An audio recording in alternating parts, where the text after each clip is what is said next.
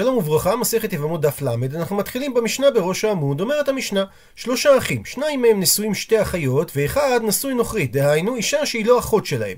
מת אחד מבעלי החיות וכנס נשוי נוכרית את אשתו, ואז ומת הנשוי נוכרית. אז הראשונה, דהיינו שהיא הייתה ראשונה לנפילה לייבום, היא יוצאה משום אחות אישה, והשנייה משום צרתה. אבל אם הנשוי נוכרית לא כנס את אחת האחיות, אלא עשה במאמר, ואז ומת. במצב כזה הדין הוא שהנוכרית חולצת ולא מתייבמת. להלן המקרה הראשון. ראובן, שמעון ולוי אחים, ראובן ושמעון התחתנו עם זוג אחיות רחל ולאה, ולוי התחתן עם צילה שהיא נוכרית, דהיינו היא יהודייה כשרה, אבל היא לא אחות של רחל ולאה. כאשר שמעון מת, לוי ייבם את לאה. וכאשר גם לוי מת, אז לאה אסורה על ראובן כי היא אחות אשתו, וצילה פטורה מייבום וחליצה, כי היא הרי צרת לאה. במקרה השני עליו דיברה המשנה, שכאשר שמעון מת, לוי עשה מאמר בלאה, ובמצב כזה צילה נחשבת רק צרתה במקצת. וכאשר לוי מת, הרי לאה עדיין אסורה על ראובן משום אחות אשתו, אבל בשונה מהמקרה הראשון, צילה מוגדרת כצרת לאה רק על ידי המאמר, דהיינו היא צרת ערווה מדי רבנן. ולכן מצד אחד אסור לה להתייבם, אבל מצד שני היא לא נפטרת מחליצה. ומדייקת הגמרא, תמה דאבד במאמר. המשנה אמרה שאם הנשוי נוכרית עשה מאמר באחת האחריות ומת, אז הדין שהנוכרית חולצת ולא מתייבמת. נדייק מכאן, הא, אם הוא לא עבד במאמר, אז הדין יהיה שהנוכרית ייבום אינה ממייבמה. דהיינו, שאם לוי לא היה עושה מאמר בלאה, אז הדין היה שצילה כן יכולה להתייבם על ידי ראובן. זאת אומרת שאנחנו לא אומרים שבהתחלה כשמת בעל האחות והיא נפלה ליבם וזה יבם בודד שהרי היא הוזקקה רק לפני הנשוי נוכרית לבדו שהרי לא נופלת לפני בעל אחותה ובכל זאת אנחנו לא אומרים שהם יעשו צרות זו לזו שהרי אם היא הייתה נעשית צרתה בזיקה זו אז כשמת הנשוי נוכרית הרי הנוכרית הייתה צריכה להיאסר על האח הנשאר משום צרת אחות אישה ולכן מסיק, אמר רב נחמן, זאת אומרת שאנחנו אומרים אין זיקה, ואפילו כאשר מדובר בחד אחא. כפי שפירשנו, שאפילו שבמקרה הזה יש שני אחים, הרי כשהוזקקה הראשונה לייבום, היא נפלה רק לפני מי שהיה נשוי נוכרית לבדו. ואומרת המשנה, שלושה אחים, שניים מהם נשואים שתי אחיות, ואחד נשוי נוכרית. ואז מת הנשוי נוכרית, וכנס אחד מבעלי החיות את אשתו, ומת אותו אח, אז זאת שנפלה הראשונה היא יוצאת משום אחות אישה, והשנייה משום צרתה. אבל אם אותו בעל אחות לא כנס אותה אלא עשה במאמר ומת, אז הנוכרית חולצת ולא מתייבמת. נעבור שוב על המקרים, ראובן ושמעון התחתנו עם רחל ולאה אחיות, ולוי נשא את צילה, שהיא נוכרית להם. לוי מת, ושמעון עם בהם את צילה. אז כאשר לוי מת, הרי לאה אסורה על ראובן כי היא אחות אשתו, וצילה פטורה מחליצה וייבום כי היא צרתה של לאה. והמקרה השני שעליו דיברה המשנה, אם שמעון לא נשא את צילה, אלא רק עשה במאמר. אז במקרה כזה היא נחשבת צרתה במקצת של לאה, וכאשר שמעון מת, הרי לאה אסורה על ראובן משום אחות אשתו, וצילה שהיא נחשבת צרתה במקצת של לאה, שהרי מאמר יוצר קשר של צרת ערווה מדי רבנן, הדין שהיא חולצת ולא מתייבמת. ומקשה הגמרא, הטו למה לי? מדוע חוזרת המשנה ומחדשת את הדין שעשה במאמר? שהרי הדין הראשון הוא ודאי לא חידוש. אבל הדין השני, היינו הך. העיקרון זהה בדיוק לחידוש של המשנה הראשונה. ועוד אפילו החידוש במשנה הראשונה הוא חידוש חזק יותר. שהרי השתא ומה הטעם דאחות אישה הביה צרה לנוכרית. אמרת נוכרית אסורה, אם במשנה הקודמת, ששם הנוכרית היא עיקר הנשואה, ואחת מהאחיות נפלה לפני בעלה של הנוכרית ונעשית צרתה במאמר. ואמרה המשנה שהיא אסרה אותה. דהיינו שהנוכרית היא האישה העיקרית שנשואה לאח, ולאה אחותה של רחל, שהיא איסור הערווה, הסתבכה אליה בגלל המאמר. ובכל זאת אמרה המשנה שהדין שהנוכרית אסורה. אז הכה במשנה שלנו, דנוכרית הב יצרה לאחות אישה לא כל שכן? שהרי במשנה שלנו, אחות האישה היא עיקר הנשואה, והנוכרית היא נפלה לפני בעלה, כך שהיא התפלה. אז כל שכן, שהדין יהיה שהנוכרית חולצת ולא מתייבמת. שהרי במשנה שלנו, לאה אחות רחל היא עיקר הנשואה לשמעון, וצילה הנוכרית היא זאת שהסתבכה על ידי המאמר מדי רבנן ששמעון עשה בה. מתרצת הגמרא, תנא, שנה את המשניות בסדר הבא. הך תנא ברישא, את המשנה שלנו, דהיינו המשנה השנייה הוא שנה בתחילת דבריו, לעומת זאת והך את המשנה הראשונה חזיה בכלל להיתרה ושריה. דהיינו את המשנה הראשונה, הוא בכלל לא חשב לשנות. משום דחזיה בדעתי, שהוא חשב שבמקרה כזה, הנוכרית תהיה מותרת להתייבם. שהרי הנוכרית היא עיקר הנישואים. אבל אחר כך, והדר חשב על זה שוב, וחזיה לאיסורה, והוא כן אסר את הנוכרית מלהתייבם, משום דמכל מקום, הנוכרית היא צרתה של האחות. אפילו שזה מדרבנן. ואיידי דחביבה ליה אקדמה. ואגב שהמשנה הראשונה זה חידוש בשביל הטענה, לכן הוא הקדים ושנה את המשנה הראשונה. כך שבעצם אפשר היה לוותר על המשנה השנייה, אלא הואיל והיא כבר נשנתה, הרי יש לנו כלל ומשנה לא זזה ממקומה. כך שאכן יש פה חזרה מיותרת, כי את העיקרון של המשנה השנייה ניתן היה אכן ללמוד מהמשנה הראשונה. אומרת המשנה, שלושה אחים, שניים מהם נשואים שתי אחיות, ואחד נשוי נוכרית. מת אחד מבעלי החיות, וכנס נשוי הנוכרית את אשתו, ועכשיו ההבדל מהמשנה הקודמת, ומתה אשתו של שני. ואחר כך מת הנשוי נוכרית, אז הדין הוא שהרי זו אסורה עליו עולמית, והסיבה, הואיל ונאסרה עליו שעה אחת. ושוב נעזר באיורים של עטרת צבי כדי להבין. שלושה אחים, ראובן, שמעון ולוי, כאשר ראובן ושמעון נשואים לרחל ולאה אחיות, ולוי נשוי לצילה שהיא נוכרית. שמעון מת, ולוי ייבם את לאה, שבכלל לא נופלת לפני ראובן לייבום, כי הרי אחות אשתו. אחר כך מתה רחל אשתו של ראובן, ולבסוף מת לוי, כך שלאה וצילה נופלות לפני ראובן. ואומרת המשנה שלאה היא אמנם ברגע זה לא אחות אשתו של ראובן, שהרי רחל אחותה מתה. אבל כיוון שהיא כבר נאסרה עליו פעם אחת, שזה כאשר שמעון בעלה מת, והיא נפלה לייבום לפני לוי ולא לפני ראובן, הרי נשארת אסורה עליו, ולכן גם צילה יוצאת משום צרתה. ואומרת הגמרא שאמר על כך רב יהודה אמר רב, כל יבמה שאין אני קורא בה בשעת הנפילה לייבום את הפסוק יבמה יבוא עליה, אז הרי היא כאשת אח שיש לה בנים, וממילא ואסורה. והאיסור הזה נשאר אף על גב, שאחר כך היא כן תהיה ראויה לייבום. ושואלת הגמרא, מאי קא משמע לן? מה בא רב להשמיע לנו? הרי תנינא, זה מה ששנינו במשנה, הרי זו אסורה עליו עולמית, הואיל ונאסרה עליו שעה אחת. מסבירה הגמרא, מהו דתימא? מה היית חושב לומר? הני מילי, שמין שנאסרה שעה אחת אסורה עולמית, זה רק היכא דלא יחזי עלה בנפילה ראשונה. דהיינו, שכל הזמן שהיא נפלה בפעם הראשונה לפני היבם, הייתה אשתו שהיא אחותה קיימת, וזו הסיבה שהיא אסורה עליו.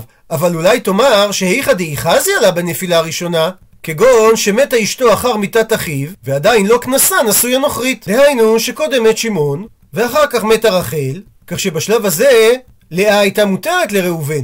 אז אימה תשתרי. אז אולי תאמר שבמקרה כזה לאה כן תוכל להתייבם על ידי ראובן, שהרי הייתה נקודת זמן שבו היא הייתה מותרת לו. כמה שמלן בא רב ומשמיע לנו שכל יבמה שאין אני קורא בה בשעת נפילה את אפשרות הייבום, שהרי בשעת הנפילה אחותה הייתה קיימת, אז הרי אסורה על היבם הזה לעולמים. ממשיכה הגמרא ומקשה, אבל הא נמי תנינא. גם את העיקרון הזה שנינו במשנה, בדף ל"ב שאומרת המשנה, שני אחים נשואים שתי אחיות, מת אחד מהם ואחר כך מתה אשתו של שני, הרי זו אסורה עליו עולמית, והסיבה, הואיל ונאסרה עליו שעה אחת. דהיינו, ראובן ושמעון אחים שנשואים לרחל ולאה אחיות. ובהתחלה מת שמעון, ואחר כך מתה רחל אשתו של ראובן. ואמרה שם המשנה, שלאה אסורה על ראובן, הואיל ונאסרה עליו שעה אחת. אז לא ייתכן לומר שזה מה שרב רצה לחדש. מתרצת הגמרא, מהו דתימא? מה היית חושב לומר? התם הוא דאידחי לה מהאי ביתא לגמרי. המשנה מדף ל"ב שיש שם שני אחים שהיא נפלה לפניהם, ואין שם עוד אח אחר, אלא רק את בעל אחותה. אז כאשר היא נדחית, היא הרי נפטרת לשוק, ואין עליה יותר צד זיקה. אבל הכא, כאן במקרה שיש שלושה אחים, דלא אידחי לה מהאי ביתא לגמרי, שהרי בשעת הנפילה שלה לייבום, היה שם גם את האח שנשוי נוכרית, ולכן אותה אחות זקיקה לייבום. אז אולי אימא נאמר? מיגו דחזיא להאי נשוי נוכרית חזיא נמי להאי שמכוח זה שעדיין יש עליה זיקת ייבום לאותו אח שנשוי נוכרית אז גם כאשר מתה אחותה זיקת הייבום כלפי האחים קיימת ולכן אולי היא יכולה להתייבם גם ליבם שהוא בעל אחותה. כמה השמלן בא רב יהודה בשם רב ואומר לנו שגם במקרה כזה היא אסורה על בעל אחותה לעולם. ואומרת המשנה שלושה אחים שניים מהם נשואים שתי אחיות ואחד נשוי נוכרית וכאן השוני מהמשניות הקודמות, גירש אחד מבעלי החיות את אשתו, ומת נשוי נוכרית, וכנסה המגרש ומת. אומרת המשנה, זוהי שאמרו במשנה הראשונה, וכולם שמתו או נתגרשו, צרותיהם מותרות. דהיינו שהיא מותרת להתייבם, שהרי עד שלא כנסה, הוא גירש את הראשונה שהיא הייתה באיסור ערווה, וממילא היא לא הייתה צרתה מעולם. ושוב נעזר בעטרת צבי, שלושה אחים ראובן, שמעון ולוי, ראובן ושמעון נשואים לרחל ולאה אחיות, ולוי התחתן עם צילה. שמעון התגרש מלאה, וכאשר לוי מת, ייבם שמעון את צילה.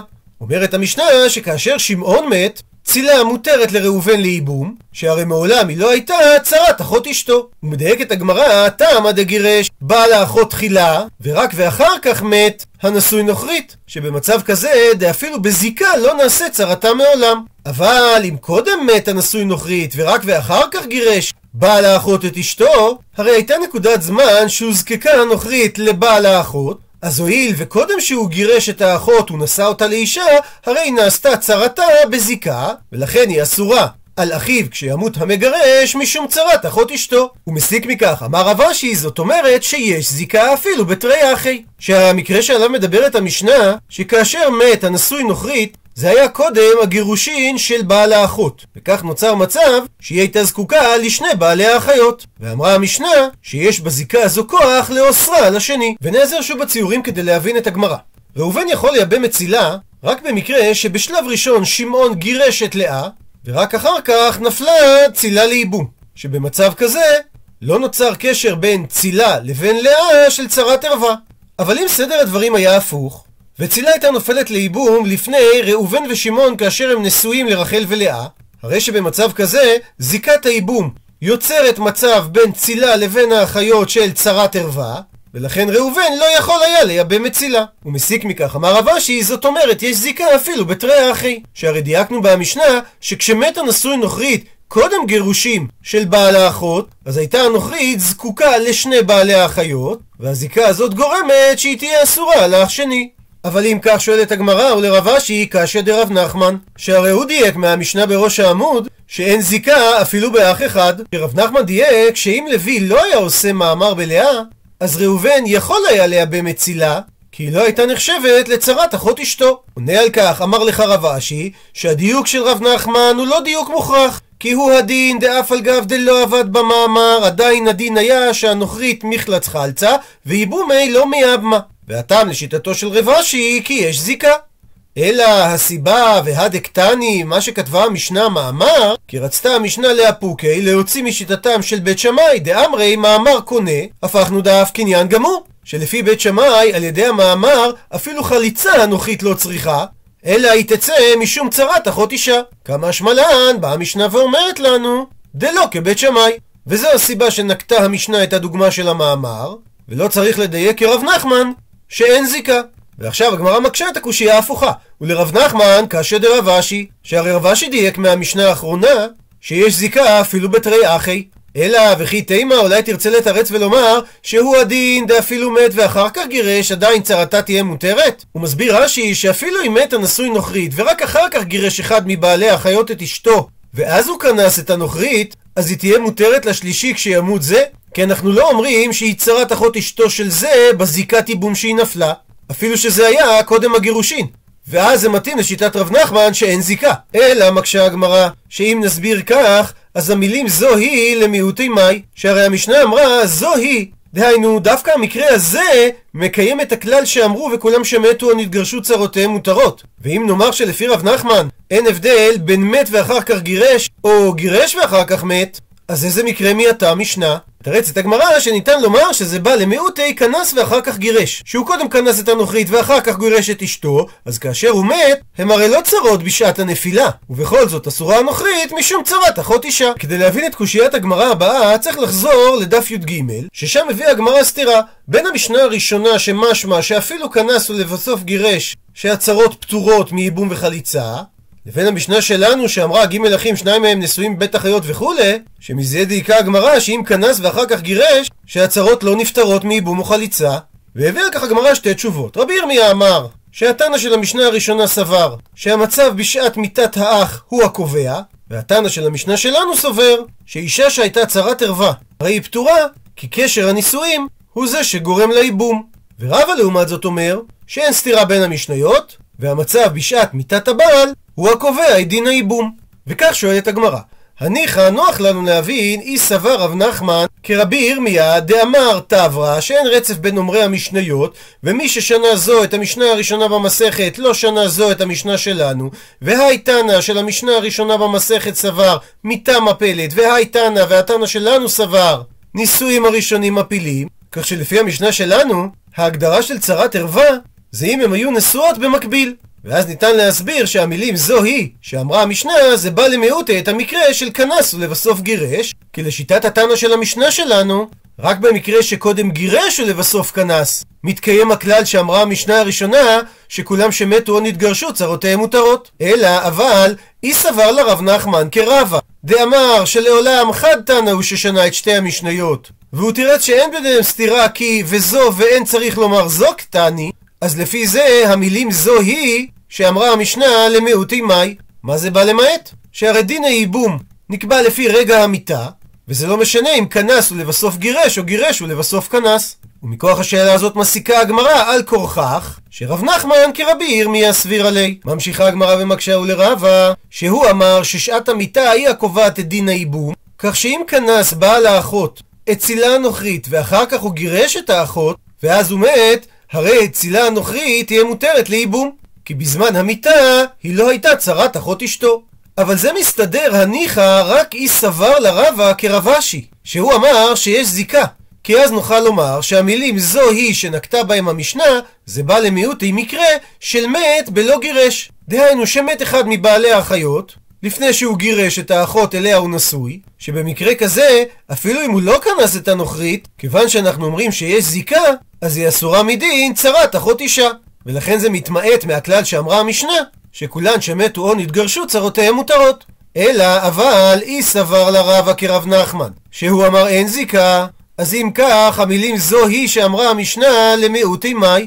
איזה מקרה זה בא למעט? שהרי בכל המקרים הצרות יהיו מותרות לבד מהמקרה של כנס ולא גירש אבל את המקרה הזה לא צריך למעט שהרי המשנה אמרה אותו בצורה מפורשת לכן מסיקה הגמרא על כורכך צריך לומר שרבה כרבשי סביר עלי. דהיינו שיש זיקה. ונסכם את הדברים.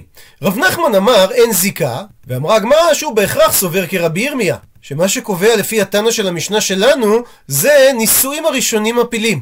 דהיינו, האם הנשים היו נשואות פרק זמן מקביל. ולפי זה המיעוט של המשנה זו היא שאמרו וכולם שמתו או נתגרשו צרותיהם מותרות מדבר רק במקרה שהצרות והאריות לא היו נשואות באותו פרק זמן. רבשי לעומת זאת חלק על רב נחמן ואמר יש זיקה, ואומרת הגמרא שהוא בהכרח צריך לסבור כרבה, שאמר שמה שקובע את דין הייבום זה זמן המיתה, והוא יסביר שהמילים זו היא באים למעט מקרה שבא לאחות מת לפני שהוא גירש את האחות, כך שאפילו אם הוא לא ייבם אצילה הנוכרית, הרי בגלל שיש זיקה, היא נחשבת צרתה, ולכן היא תהיה אסורה בייבום. עד לכאן דף למד.